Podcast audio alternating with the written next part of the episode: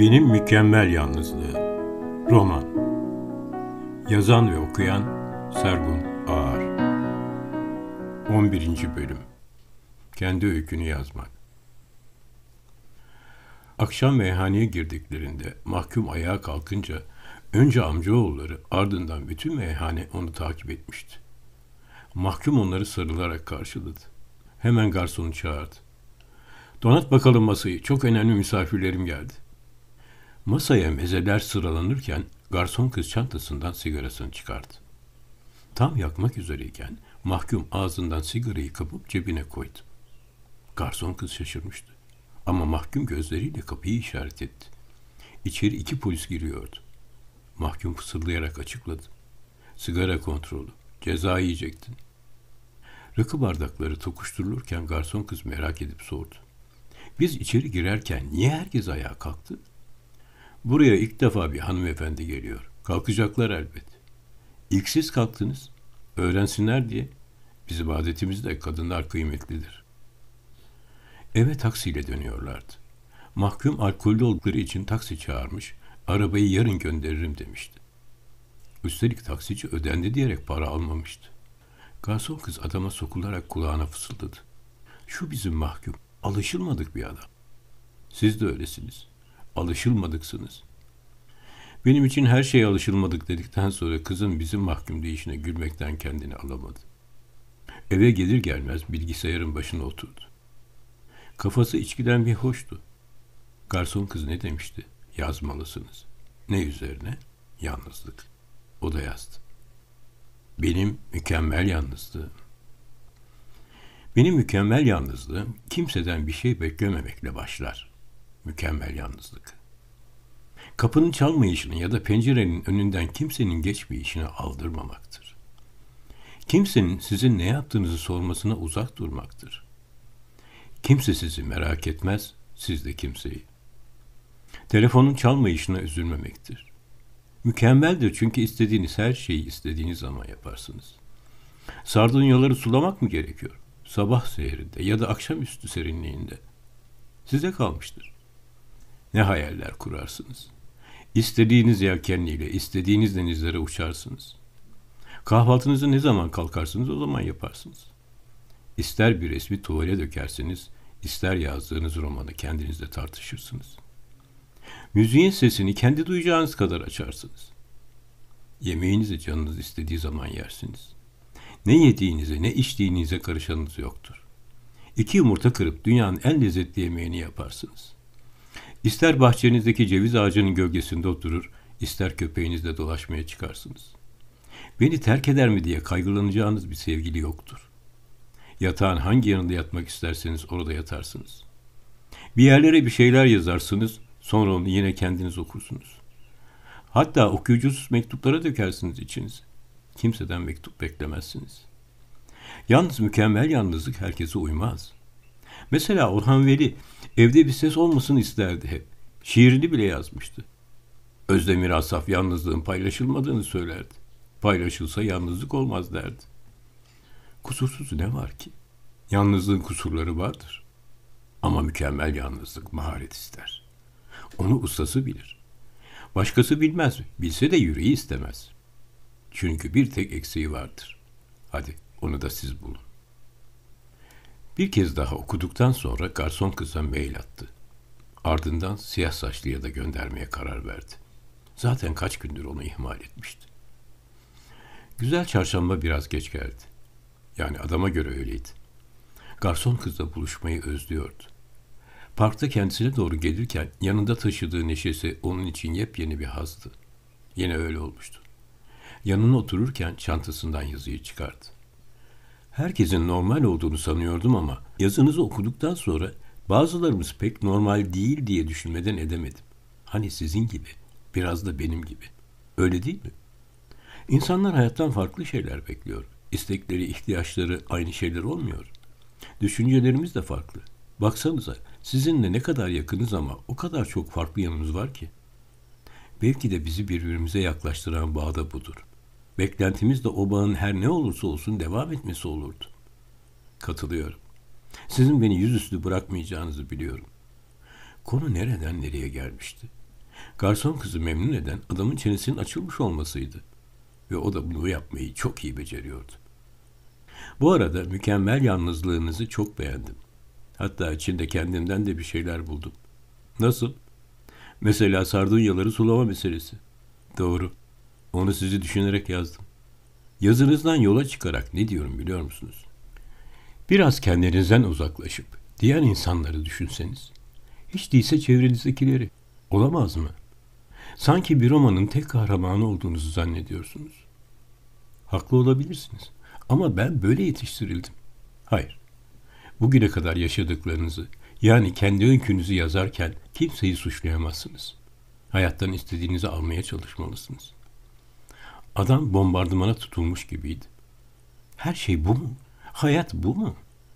Kalkmak, bir an önce kızın yanından ayrılmak istedi. Garson kız bunun farkına varır varmaz. Biraz çaba gösterseniz her şey yoluna girecek. Bir şeyleri değiştirmek istiyorsanız bunu ancak siz yapabilirsiniz. Mesela olumlu yanlarınızı, hatta hayran olunacak yanlarınızı düşünün diyerek adamı durdurmaya çalıştı. Adam sakin ama buz gibi bir sesle. Ben sizin gibi değilim. Her sabah kalktığımda aynaya bakıp hayatımı ziyan ettiğimi görüyorum. Hele sizin yanınızda ben sizi yoksa beni hak etmediğinizi mi sanıyorsunuz? Adam evet diyerek kalkıp gitti. Kızın yüzüne bile bakmamıştı. Sabahtan beri dükkanda hiçbir şey yapmadan oturuyordu. Kötü bir gün olmuş, kendini iyi hissetmiyordu. Garson kızın onu bu kadar iyi tanıdığına inanamamıştı. Kız o klasik cümlesini hatırlatmıştı. Güçsüz olmanın nasıl bir şey olduğunu bilmiyorlar. Elbette kızdan değil, kendinden kaçmıştı. Bunu atlatmanın tek yolu siyah saçlıyla konuşmaktı. Geceyi iple çekti. Ne zamandır konuşmuyoruz. O zaman muhteşem yalnızlığınıza ben de katılabilir miyim? Neden olmasın? Hem bu durumda bizim muhteşem yalnızlığımız diyebiliriz ki bu da bize çok yakışır. Siz niye yalnızsınız? Kızımla birlikte değilim. Kendime bir stüdyo daire tuttum resim yapmak için. Öyle mi? Benden sergi açmam istendi. Hem de kim biliyor musunuz? Hani bana resim dersi veren ressam. Onun galerisinde açıyorum. Hem özür dilemek hem de bana teşekkür etmek için teklif etti. Ben de kabul ettim. Yani onu bağışladınız. Evet, sonunda o bir sanatçı. Üstelik resimlerimin sergilenmesi benim için gurur verici bir şey. Ama daha önce gururunuzu incitmişti. Doğru ama o ikimizin arasındaydı. Geldi geçti. Sıkılmıştı. Daha doğrusu kıskanmıştı. Belli etmemeye çalışıyordu. Konuyu değiştirmek istedi. Anlıyorum. Daha açıkçası anlamaya çalışıyorum. Merak ettiğim şey resim yapmak nasıl bir duygu? Bunu ancak siz anlatırsanız anlayabilirim. İşte o bambaşka bir şey. Önce bir telaş ama tatlı bir telaş sarar insanı. Heyecandan eliniz ayağınız birbirine karışır. Çoğunlukla ne konunun ne de renklerin neler olacağı konusunda hiçbir fikriniz olmaz. Boyaları hazırlarken kokusunu içinize çekersiniz. Tuvalle gizlice baş başa kalırsınız. Kısacası resim yapmak, sevişmek gibi bir şeydir. Resim konusunda kendimi pek cahil bulurum. Bir tabloya nasıl bakılacağını bilemem. Ancak sanki kolay bir şey gibi kimi insanların emekli olup resim yapmak istemesi bana tuhaf gelir. Küçümser gibisiniz. O insanlar emekli oluncaya kadar zorunlu olarak yavan gelen yaşamlarına bir anlam katmak için resim yapmayı seçerler. Yaşamlarının o döneminde en rahatı, en renklisi, hatta en sağlıklısı budur çünkü. Resim dersi alırlar. Kurslara giderler ki başarısız olup hayal kırıklığını yaşamasınlar. Başardıklarında ise mutlu olurlar. Bu onlar için bir terapidir. Anneniz de resim yapsaydı belki de hastalanmazdı. İşte bunu beklemiyordu. Son söylediği cümle gerçekten çok sarsıcıydı. Ne var ki belki de kadın haklıydı. Yine de kendini savunmaya çalıştı. Fakat ressamların çoğunun yokluk içinde yaşaması garibime gidiyor. Tabii Picasso hariç. O gerçekten iyiydi. Picasso mu iyi dediniz? Ben onun ressamlığından önce zengin bir sübbe ve sahtekar biri olduğunu düşünürüm. Kendinden daha yetenekli bir ressamın resmini gördüğünde büyük kıskançlık yaşadığı, parayı bastırıp kendi yapmış gibi imza attığı pek bilinmez. Almanya'da bir sanat müzesinde bir tablosu vardır. Beyaz. Üzerinde başka hiçbir şey yok. O tablo niye orada? Çünkü altında Picasso imzası var. Bu kendini beğenmişlikten başka bir şey değil. Yokluk içinde yaşayan ressamlar tabii ki var. Mesela Van Gogh. Evet, yaşadığı dönemde resimleri beğenilmiyor, satmıyordu. Abisi Theo olmasa boya alacak parası olmazdı. Üstelik o zamanlar bilinmeyen bir hastalığı vardı. İçe dönük, hep yalnız, kimseyle konuşmayan, kendini sadece resim yaparken iyi hisseden, kendi hayal dünyasında özgüvensiz, güçsüz bir adamdı. Sanki kadın aslında onu tarif ediyordu. Gerçekten Van Gogh böyle biri miydi? Yoksa kadın onu silkelemek için mi söylemişti? Tam olarak anlamamıştı. Bezgin bir sesle. Sergi ne zaman? Dönüşünüz daha uzayacak mı diye sordu. Üç ay daha kalmayı planladım. Dönmeyi düşünüyorum tabii. Ama şimdilik burada kendimi iyi hissediyorum.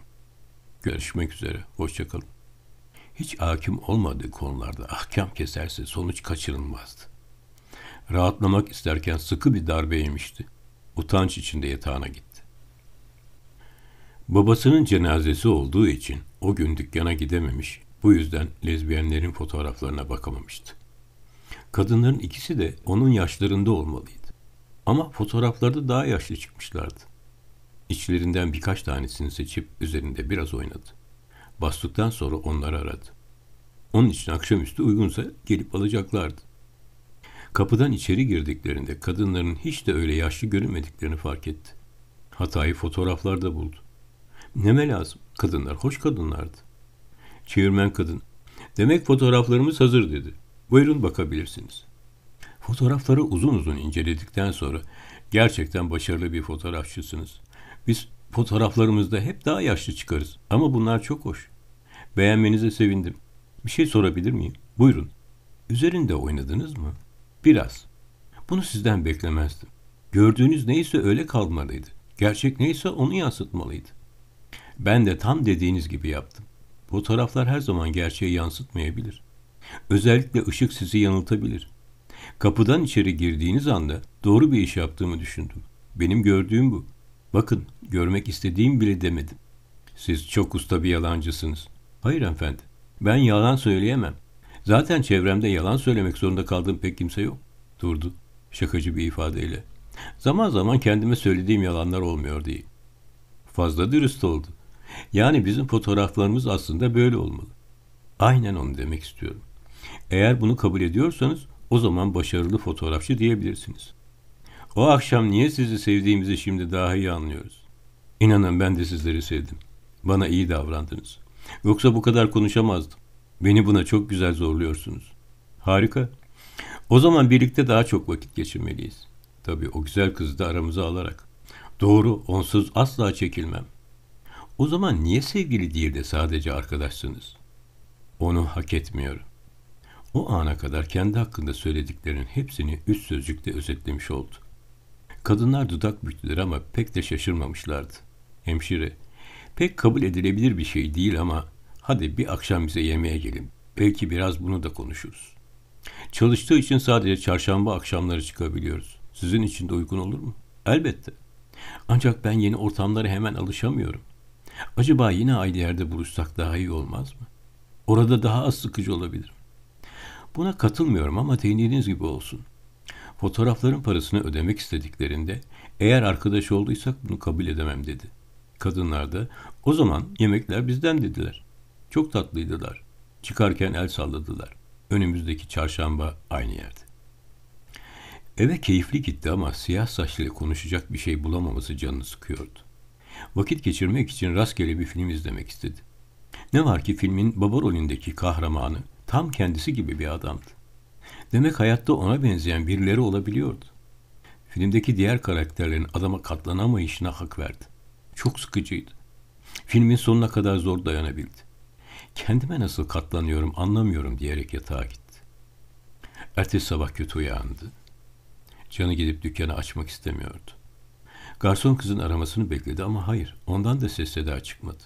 Kendisi arayamazdı. Buna cesareti yoktu. Onu incitmiş olabilirdi. Mahkuma gitmeyi düşündü ama ondan da vazgeçti. Onca çileye karşı mahkumun ondan daha onurlu bir hayatı olduğunu düşündü. Bu ruh haliyle onun karşısında kendini ezik hissedecekti. Nihayet akşamüstü garson kız aradı. Ayrıldığı kocası uzun zaman sonra telefon etmiş, ağır sözler söylemişti. Yaşadığı hayatı beğenmiyordu. Bir kafede garsonluk yapması aşağılık bir şeydi. Bir zamanlar kocası olduğunu düşündükçe kendinden utanıyordu. Kocasının söylediklerine hiç yanıt vermemiş. Bir süre daha dinledikten sonra telefonu kapatmıştı. Hayır, üzgün değildi. Sadece şaşırmıştı. Bir zamanlar sevmiş olduğu birinden beklemediği sözlerdi. Nedenini bir türlü anlayamamıştı. İnsan neden bir zaman sevdiği kişiden ayrıldıktan sonra nefret eder ki? O sevgiye ne oluyordu? Birlikte yaşanan zamanlara haksızlık, dahası saygısızlık değil de neydi? Nedenini ertesi sabah anlayacaktı. Adam Yasemin kokulu sokağın köşesinde bekleyen garson kızın arabasına henüz binmişti. O sıra arabanın yanında beliren uzun boylu bir adam eğilip garson kıza ''Yine mi bu adam? Bari kendine doğru dürüst birini bulsaydın. Hele benden sonra. Söyler misin kim bu?'' Garson kızsa son derece sakin ve yumuşak bir sesle yanıt verdi. Şu anda üç vahim hata birden yapıyoruz. Bir, bana gelip bu ses tonuyla hesap soramazsın. İki, bu adam dediğin benim en yakın arkadaşım. Üç, kendisi bir yazardır. Yani senin bir türlü olmak isteyip beceremediğin o yeteneğe sahip. Ayrıldığı koca tokat yemiş gibi oldu. Doğrulduğu sırada garson kız arabayı çalıştırıp yola koyuldu. Adam buz kesmişti. Duyulur duyulmaz bir sesle. Ama ben yazar değilim ki diyebildi. Garson kız son derece kararlı. Henüz değil ama olacaksınız diye kestirip attı. Öğleye doğru garson kız üzgün bir sesle aradı. Sabah tartıştığı adamın yani eski kocasının arabayı bir daha vermemek üzere alıp gittiğini söyledi. Arabasız olmak onun için kabus gibi bir şeydi. Sabahları nasıl buluşacaklardı? Üstelik bu arabaya çok alışmıştı. Rengini de çok seviyordu. Adam bir şey söylemeden telefonu kapattı. Masanın çekmecesini açıp içinden çıkardığı deftere bir göz attı. Hiç beklemeden bankanın yolunu tuttu. Ardından çarşıdaki otogalerisine gitti. Ne büyük şans, kızın sevdiği renkte bir araba orada hazır bekliyordu. Galericiye arabayı için almak istediğini söyleyince iyi bir indirim aldı. Yarın sabah geldiğinizde araba hazır olur dediğinde neredeyse adamı boyuna sarılacaktı. Harika bir sabahtı. Özenle hazırlanıp galeriye gitti. Direksiyonun başına geçtiğinde tedirgindi. Ama şahane bir sürpriz olacaktı. Bunu düşünerek yola koyuldu. Dikkatli, tedirgin ve oldukça yavaş bir sürüşte kızın evine geldiğinde ter içinde kalmıştı. Kızın zilini çalıp diyafondan aşağı inmesini söyledi. Kız aşağı indiğinde adam arabanın önünde kapıları açmış, elinde tuttuğu anahtarları uzatıyordu. Arabanın sahibi benim ama arabayı kullanan her zaman siz olacaksınız. Biliyorsunuz ben pek iyi bir şoför değilim. Hadi alın şunu da gidelim. Garson kız sevinçle adama sarılıp öpmeye başladı. Adam utanmış geri çekilince ikisi de arabanın arka koltuklarına düştüler. Bir an öyle kaldılar. Film sahnesi gibi bir şeydi. Kalktıklarında garson kız arabanın etrafında dolaşırken neredeyse arabayı okşuyor küçük çığlıklar atıyordu. Adam belki de hayatında ilk kez bir insanı böyle mutlu ediyordu. Galiba değişiyordu. Benim mükemmel yalnızlığım devam edecek.